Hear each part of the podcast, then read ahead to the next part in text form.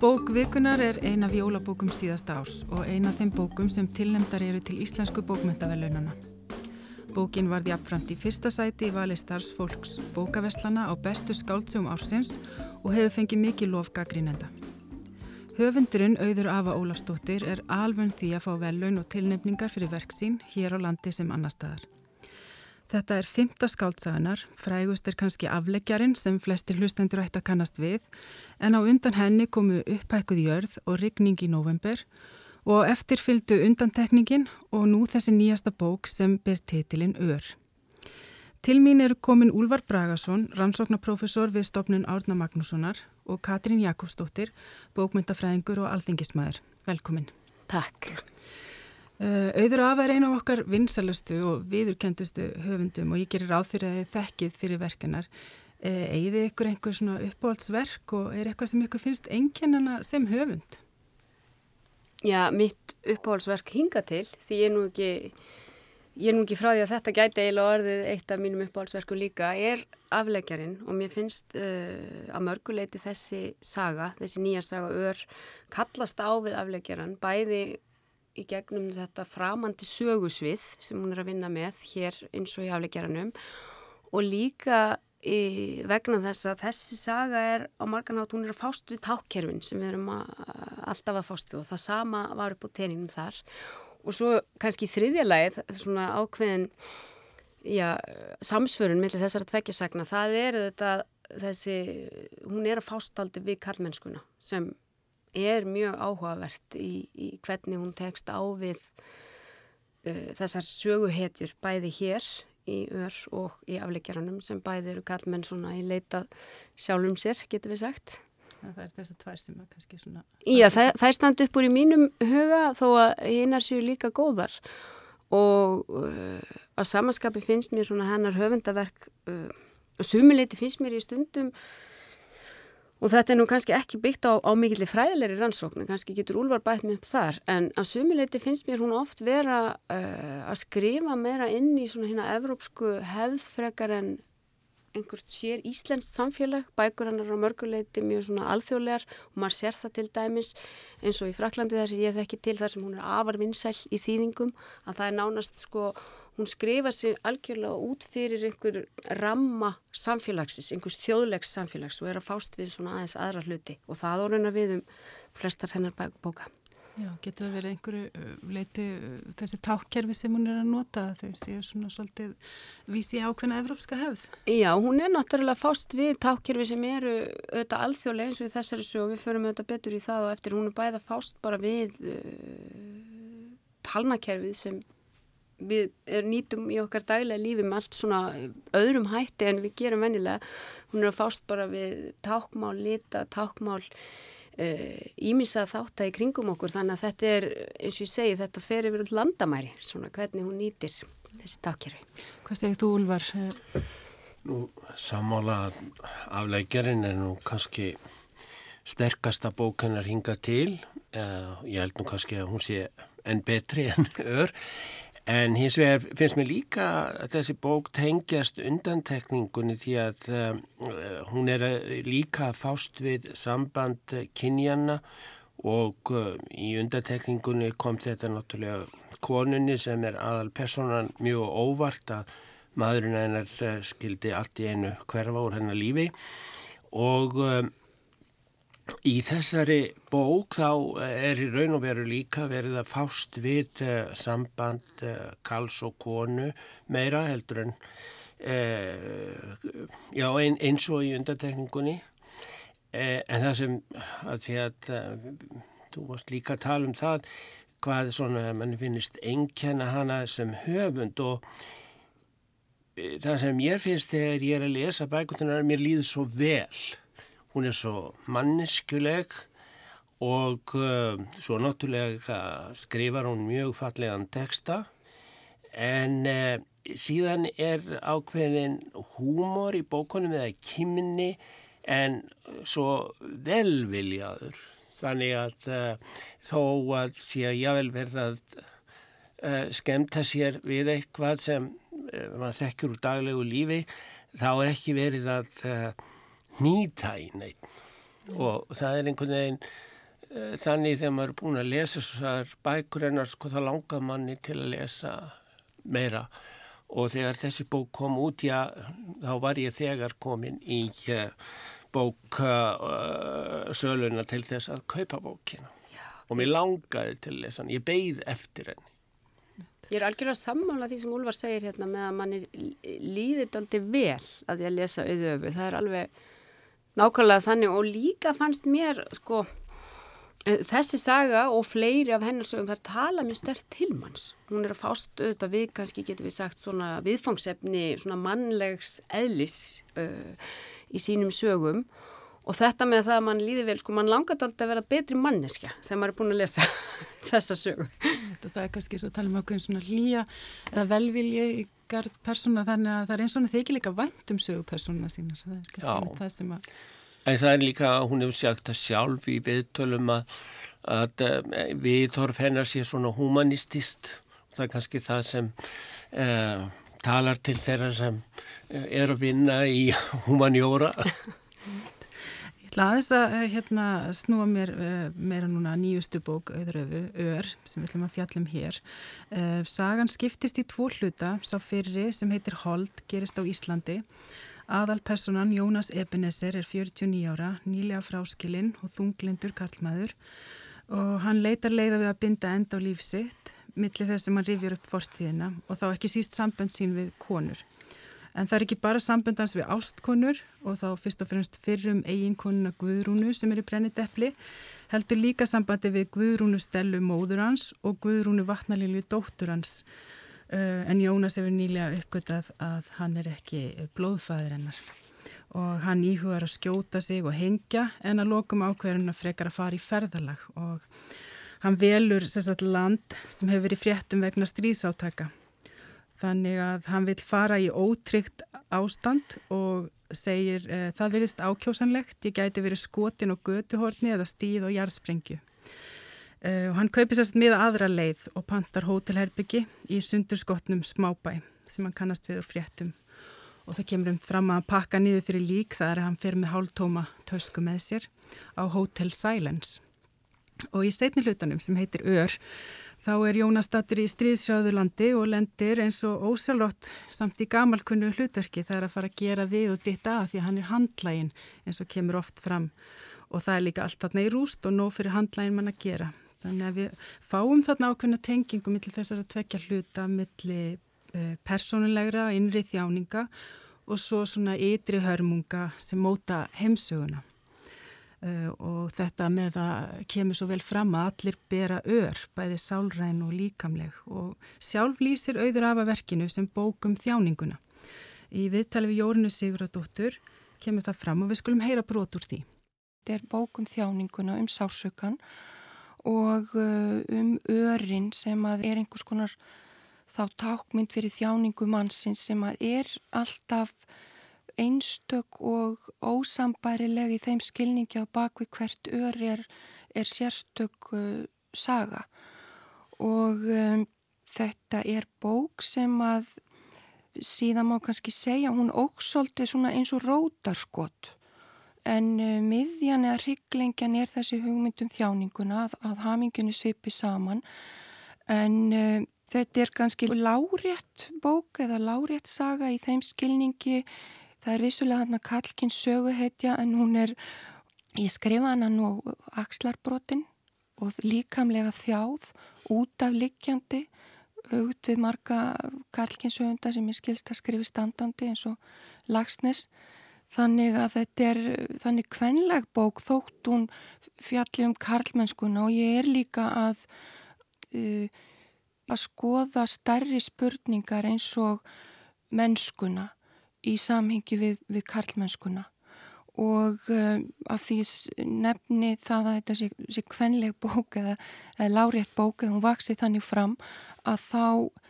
gefur hún eh, ákveðna niðurstöðu sem að er reynda vísun í, í, í Aragon og það sem segir að konan sé framtíð mannsins. Það er í lókbókar sem svo setning er reynda lagði í munn uh, blikksmiðs Þannig að það er heimurinn í dag sem að er í bakgrunni. Við heyrðum hér viðtal við auðu öfu Ólafsdóttur um skáldsöguna Ör sem er bókvíkunar og hjá mér eru Úlvar Bragason og Katrín Jakobsdóttir. Katrín, þú verður með námskeiðum jólabækurnir á Endumöntun Háskóla Íslands. Eh, það hefst bara núna 25. janúar. Eh, fyrsta bókin sem verður tekin fyrir Ör, eh, hversina valdur hana? Kanski fyrst og fremst að því að mér finnst þetta vera uh, saga sem gefur færi á svo miklum umræðum að því að hún er í senn eins og kom nú fram hjá höfund að fást við sko þjáninguna sem er einstök hjá hverjum og einum en hún er líka fást við mm, heiminn eins og hann blasir við okkur í dag uh, stríðshrjáð svæði uh, hvað rekur slík átök áfram og hvernig er hægt að lifa slík átök af og uh, Og það fannst mér vera svo áhugaverða spurningar þegar það er eiga erindi sama hvar maður er stattur í, í lífinu og tilverunni. Uh, þannig að mér finnst þessi saga að gefa okkur færa að ræða mjög margt. Hún gefur okkur færa að ræða bara heiminn, hún gefur okkur færa að ræða uh, samskiptið kynjana, karla og hvenna. Hún gefur okkur færa að ræða líka þjáningun og haminguna og, og kannski má segja að auður hún slæðir svona tónin fyrir söguna með tilvittnunum í upphafi þar sem hún skilgrenir ör uh, þar sem kemur fram að, að sé, myndun öra sé eðlilegur þáttur í því lífræðilega ferli sem á sísta þegar áverkar og húðu öðrum vefjum líka mann skró eftir slis, sjúkdóm eða skurðagerðir en líka mann getur ekki mynda nákvæma eftirmynd af skemta vefnum þannig að það kemur nýr vefur sem hefur aðra áferð og aðra eiginleika Og það er eiginlega um þetta sem þessi saga snýst að ef við ætlum einhvern veginn að halda áfram eftir þau áföll sem við verðum fyrir þá erum við aldrei söm á eftir. Örin breyt okkur sama hvort þau eru líkamlega eða á sálinni. Og þetta er auðvitað held ég uh, eitthvað sem allir geta tekið til sín. Mitt, um, Úlvar auður af og hún endaði svolítið á því þarna að tala um eh, í þessu viðtali, tala um að þetta sé kvenleibók um karlmennsku og hún sagði síðan líka í viðtalinu að við vilja tala um valdalösan venjulega mann uh, í heimi þar sem alltaf verið að tala um valdmiðaldra karlmannsins og um, ég veit að þú varst nú ánaður með þennan þátt í verkinu, það, það, hvernig fjallaði er um karlmennsku? Já sko, hún skrifar uh, sjálf og segir að hún sé að vinniða gegn hlýsjum og mér finnst vera orðið núna og það er kannski af því að uh, Katrín er að tala um að hún sé kannski að skrifa í svona annað samhengi heldur en íslenski reythundagjarnan. Mm -hmm. Undarfarið hefur verið mjög neikvæð umræðan finnst mér hér um kallmenn og þeir eru allir settir á sama bekk Uh, og mér er segja núna er verið að rýfast út af leikriti sem er í þjóðleikúsinu um ábyrðaferli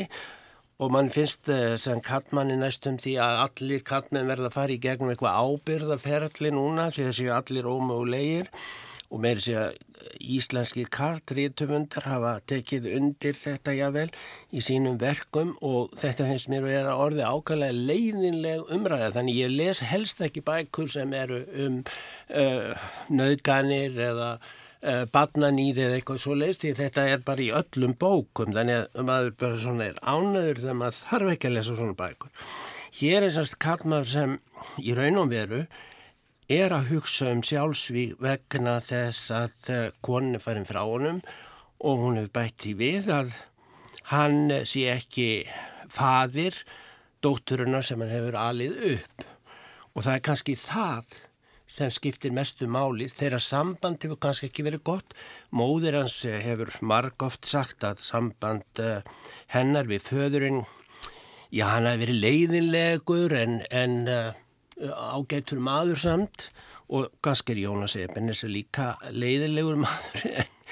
ja, í, í, í augum hvenna en e, það er þessi dóttir hans og hann er sagt í upphafi að láta uh, tatuera á sig vatnalilju og hún heitir vatnalilja, dóttirinn og í lokinn á bókinni þá er einmitt samtal millir hans og vatnalilju.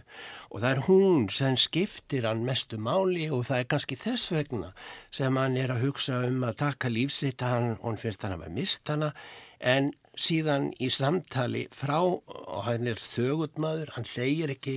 tilfinningar sínar og svo framvegis en í samtali sem þau eiga saman, hann á afmeldstegi hans, hann er þá þarna í þessu stríðrjáða landi og hann er þá spyr hann að hvort að móðurinn sé búinn að segja henni frá því að hann sé ekki blóðfæðir hennar og þá segir hún já og þá fer hann að spyrja hvort hún sé búin að leita uppi í blóðföðurinn og þá segir dótturinn, nei, ég á engan annan föður. Og þetta held ég að sé svona kannski ástæðan til þess að hann kemur aftur. Eh, hans viðhór til dæmis til þessarar Maríu sem hann á nú einna sam, mest samband við uh, í þessu stríðhrjáða landi og hún er svona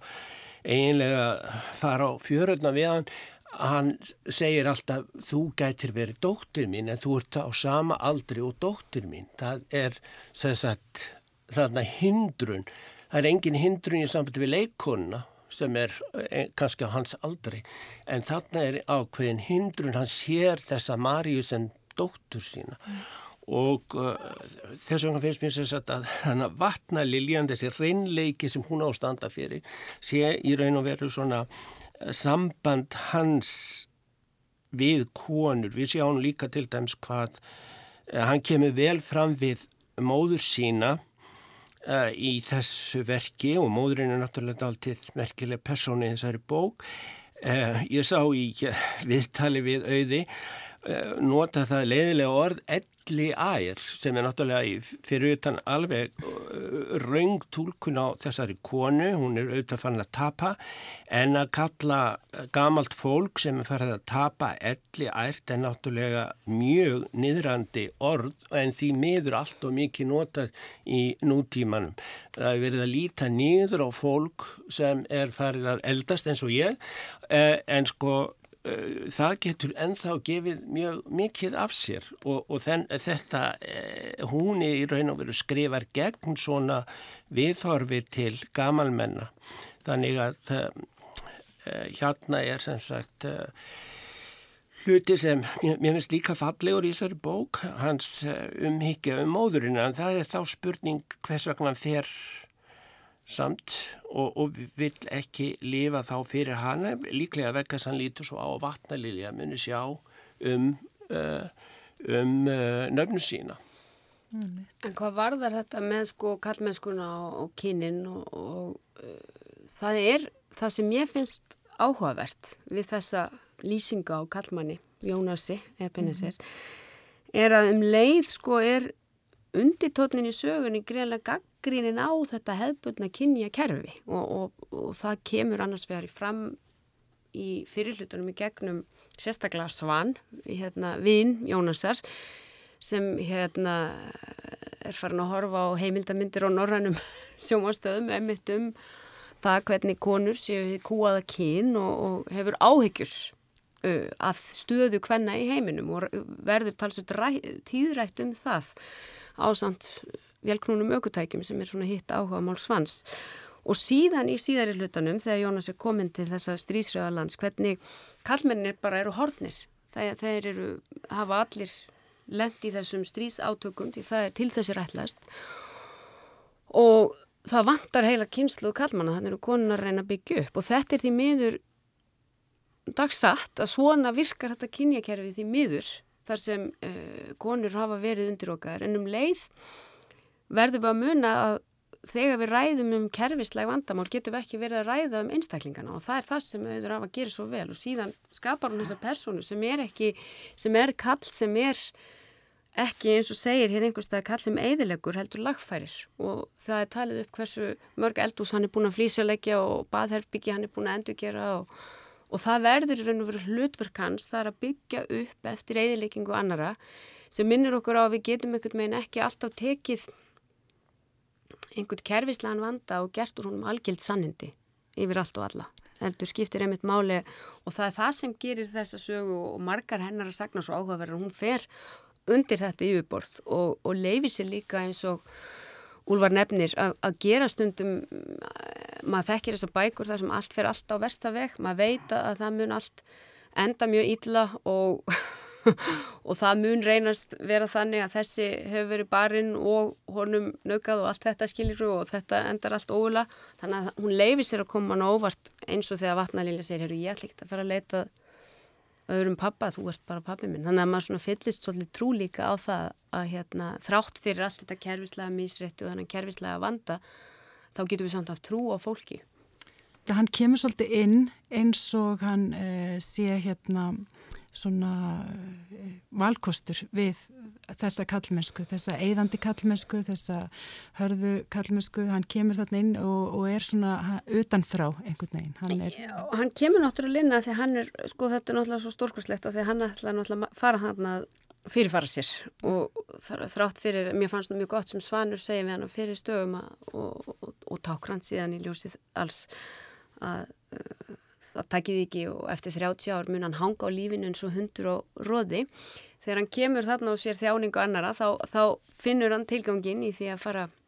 aðstofa við að byggja upp og uh, en um leiðir byrtist mikil gaggrinni uh, á emmitt viðbröðin sem verða gætnan í stríðsræðum löndum og mér finnst þetta að vera mjög skörp og snörp þjóðfélagsáttalega það hvernig sömu fyrirtækin taka að sér að reka öryggisveitirnar sem fara og skjóta fólk og, og drepa allt og eira engu og sömu fyrirtækin setja svo upp apotök og bjóða fórnálambunum aspirín og þetta eru þetta rosalega harkalega aðdela á þessi svona kapitalísku öll sem er á bakvís og mörg strísáttöku í heiminum. Einmitt og það er náttúrulega, við erum búin að vera að tala um þessar eh, áhugaverðu aukapersonur í sögunni sem eru náttúrulega mjög margar og það er náttúrulega einn gestur einmitt á hótelinu sem er e, sá sem ætlar að, já, ætlar að græða á e, strísáttökunum og svona eftirmálanum og, og hérna. Ætlar að, ætlar að fara að byggja upp það sem er búið að rýfa niður á meðan samfélagið er í sárum og segir það bara síðan svona mm. og þetta er auðvitað risastór business bara í samfélagi heimsins í dag þó okkur finnist og, og, og ég eins og ég segi það er erfitt að fjallum svona hluti án þess að það verði í mjög svona hátimbruðu móralskum tón. En mér finnst henni takast að, að setja þetta upp með ákveðnum svona að því hún skrifar jú fallegan stíl með því að setja þetta í svona þetta mannlega samhengi þá snertir þetta mann einmitt jafnvel meira annarlega Það er hann að líka önnur viðbröð við stríði sem kom í sambandi við leikonna sem er eh, hafiði hugsað sér að gera einhvers konar heimildamind um það hvernig fólki líði sem er búið að vera í slíkum stríðsremmingum og þá rekst hún á það að fólk vill ekki tala um það. Og það kemur oftar fram í bókinni að að fólkið uh, Uh, þetta er sár sem það vil uh, að grói, ör sem vil, mun bera en það vil ekki tala um þetta ör. Og þetta er mjög algengt og ég var reynd að hugsa um það núna því að ég er stoltið mikið í Finnlandi og þeir eru að halda upp á 100 ára aðmeli fullveldis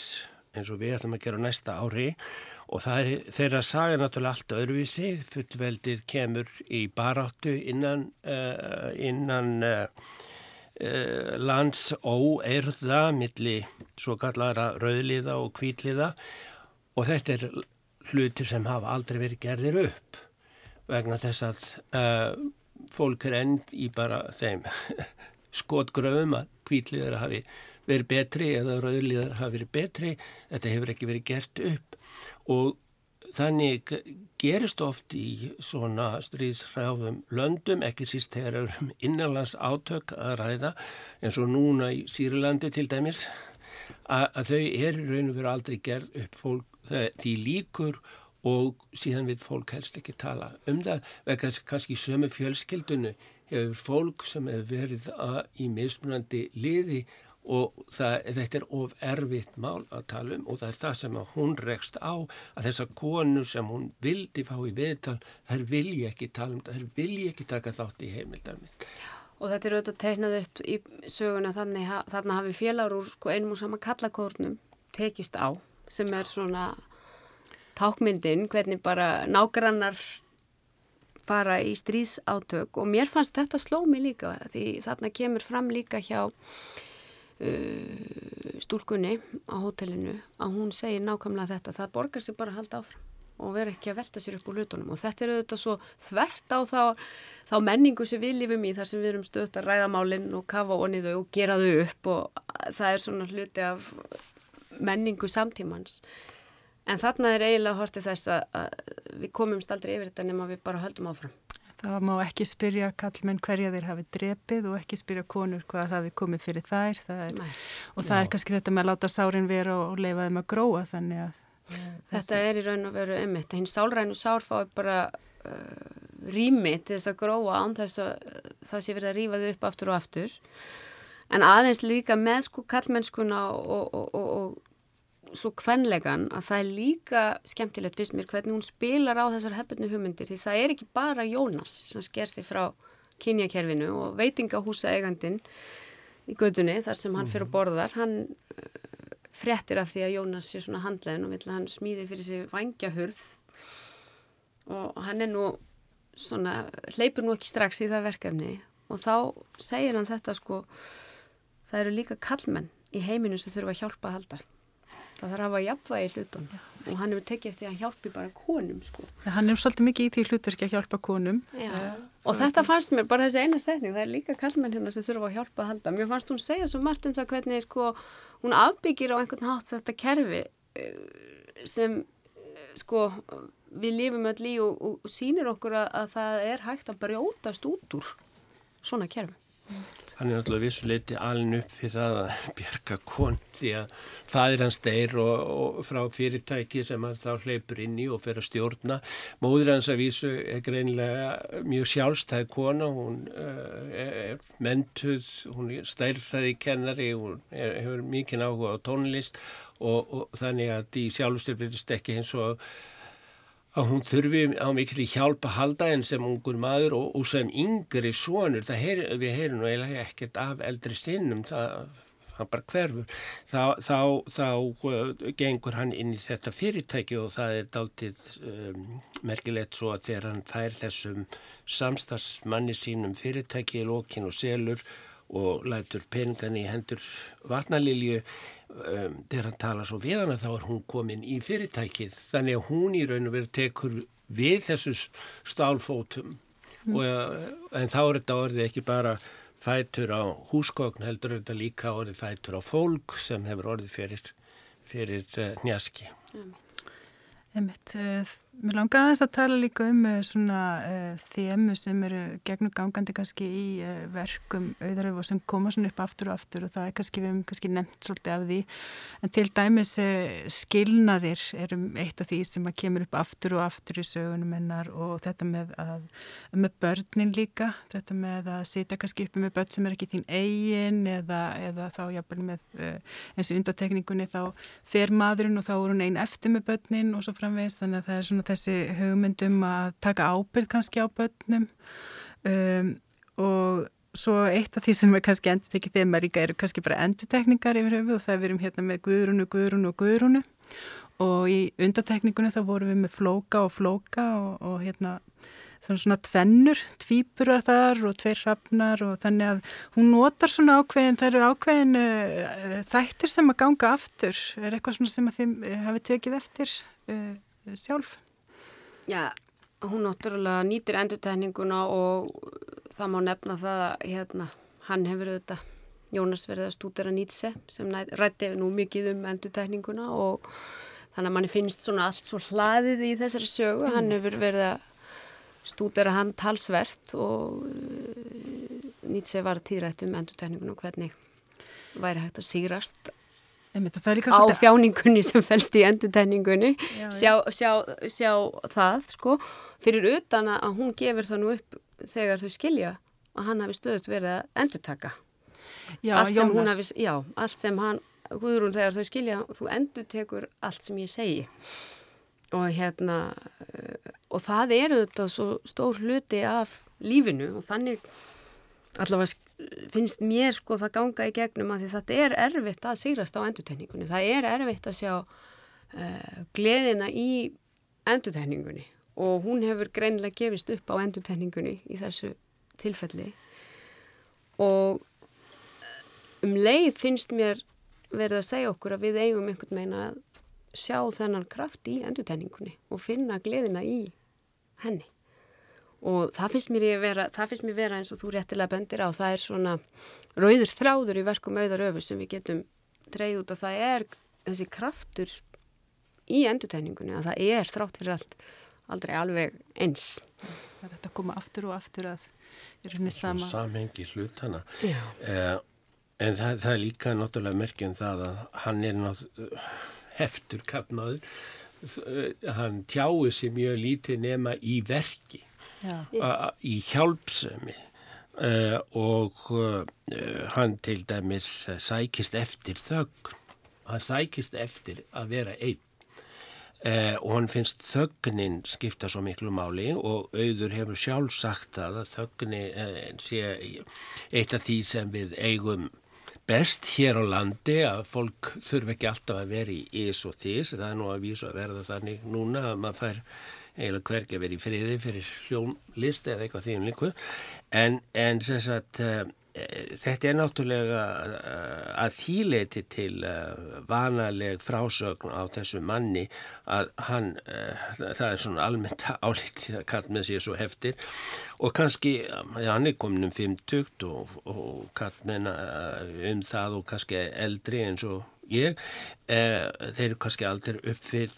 þetta en núna finnst mér nú ekki að það sé hægt að tala um yngri kallmenns en svo að þeir þú eru ekkert að tjá sig. Um, þetta er kannski ákveðin varnar uh, varnar staða sem gagvart öðrum uh, ekki að segja húsinn uh, því að þá getur einhver misnotaði gagvart manni.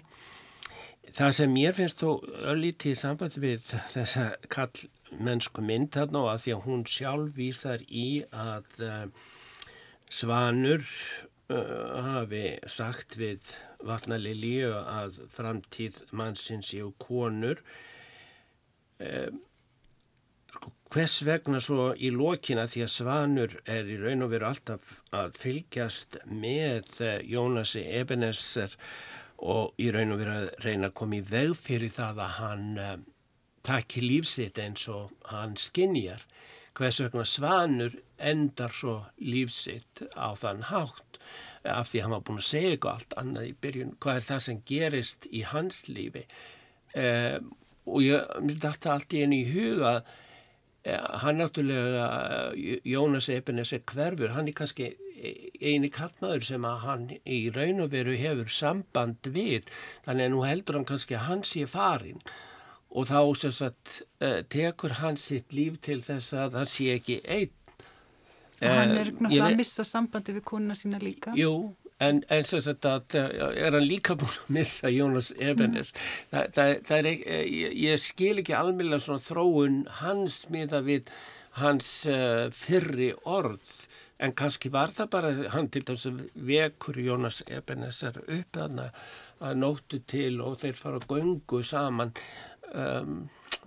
þá kannski er þeir báðir hálf uh,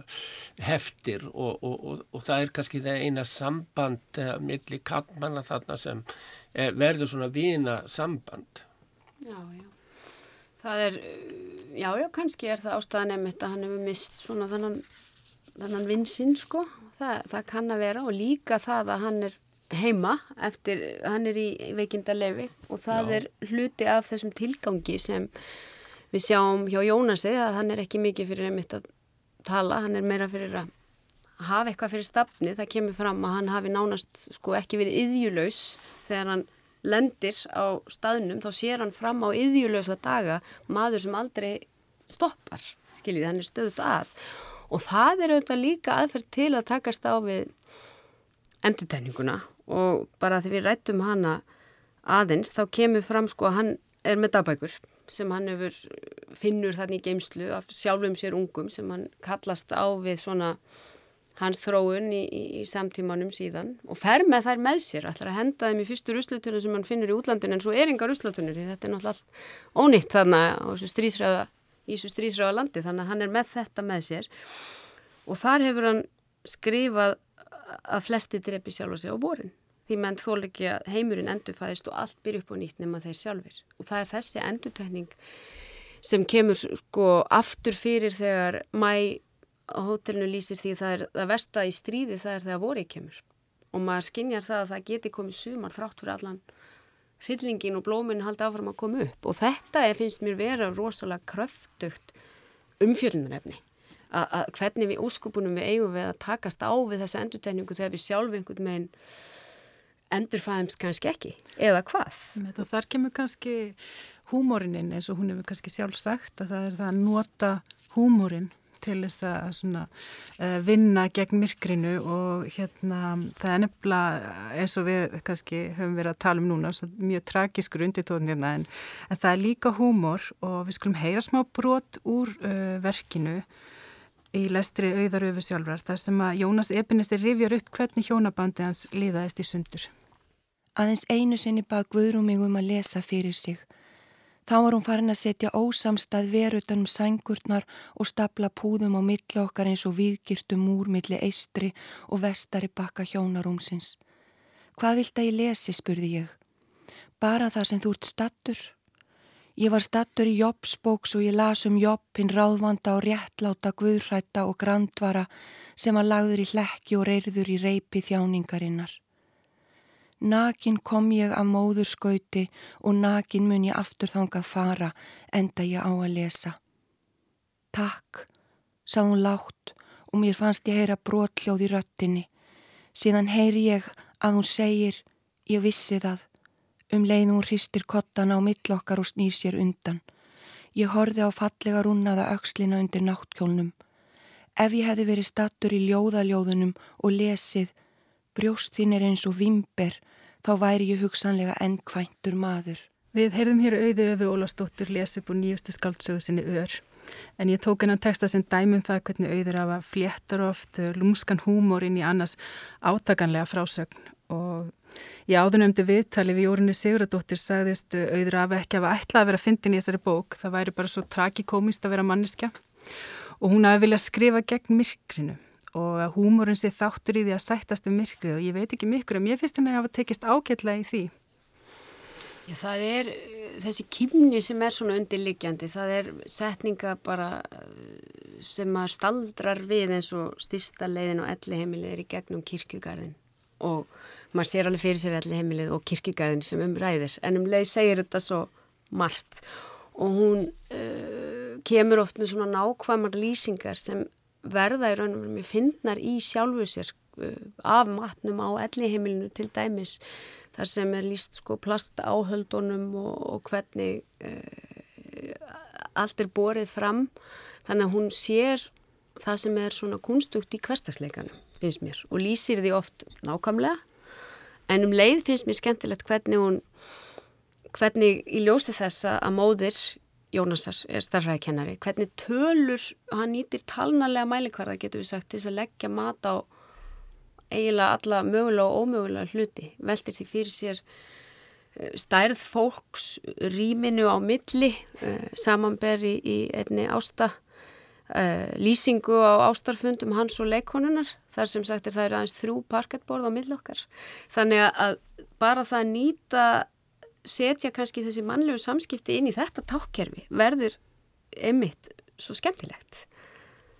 Og samt hans mammas og hann ómögulegur í stærfræði emitt þannig það er nú svona En hún Tóti. segir einmitt hún auður af að þarna, það sé ekki hægt að tala um þjáningu landa og þjóða, uh, hún sé alltaf einstaklisbundin en uh, þannig að það er svona kannski hugmyndin hjá henni er að, að tengja samt þarna á milli. og við erum í rauninni með ákveðin svona samfélagslegu boðskap kannski eða skilabóð í þessari bók. Já og kannski má segja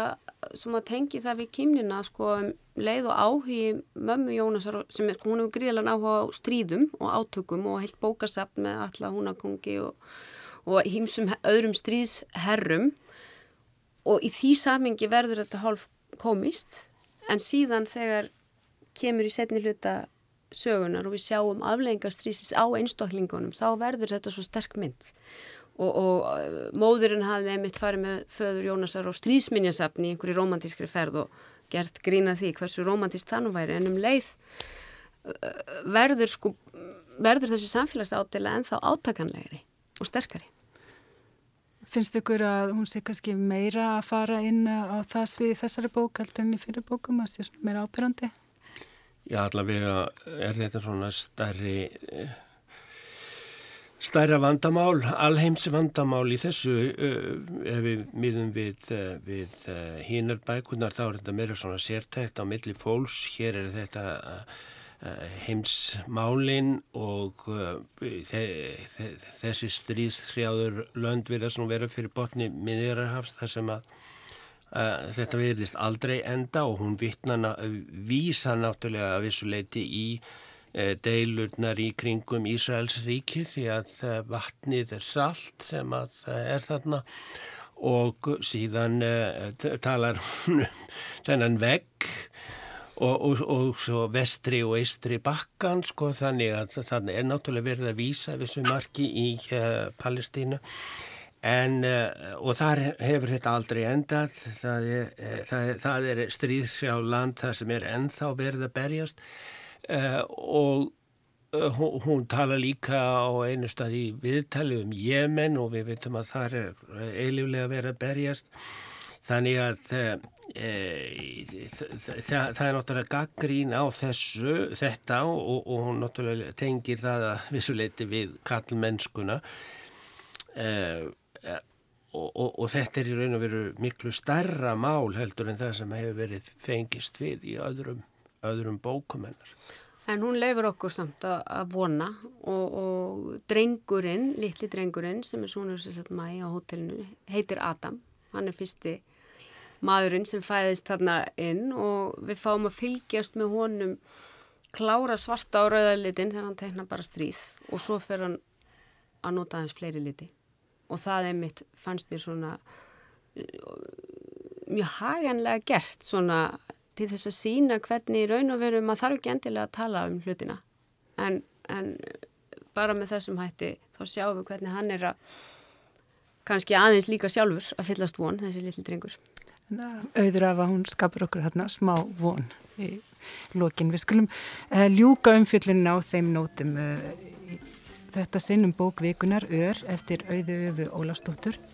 Viðmælendur í þessum þætti voru Katrín Jakobsdóttir og Úlvar Bragason. Ég þakka ykkur fyrir ykkar framlag. Eh, hlustendum bendi á að þeir geta komið spurningar og aðtóðsendur um verkið inn á Facebook síðu þáttarins.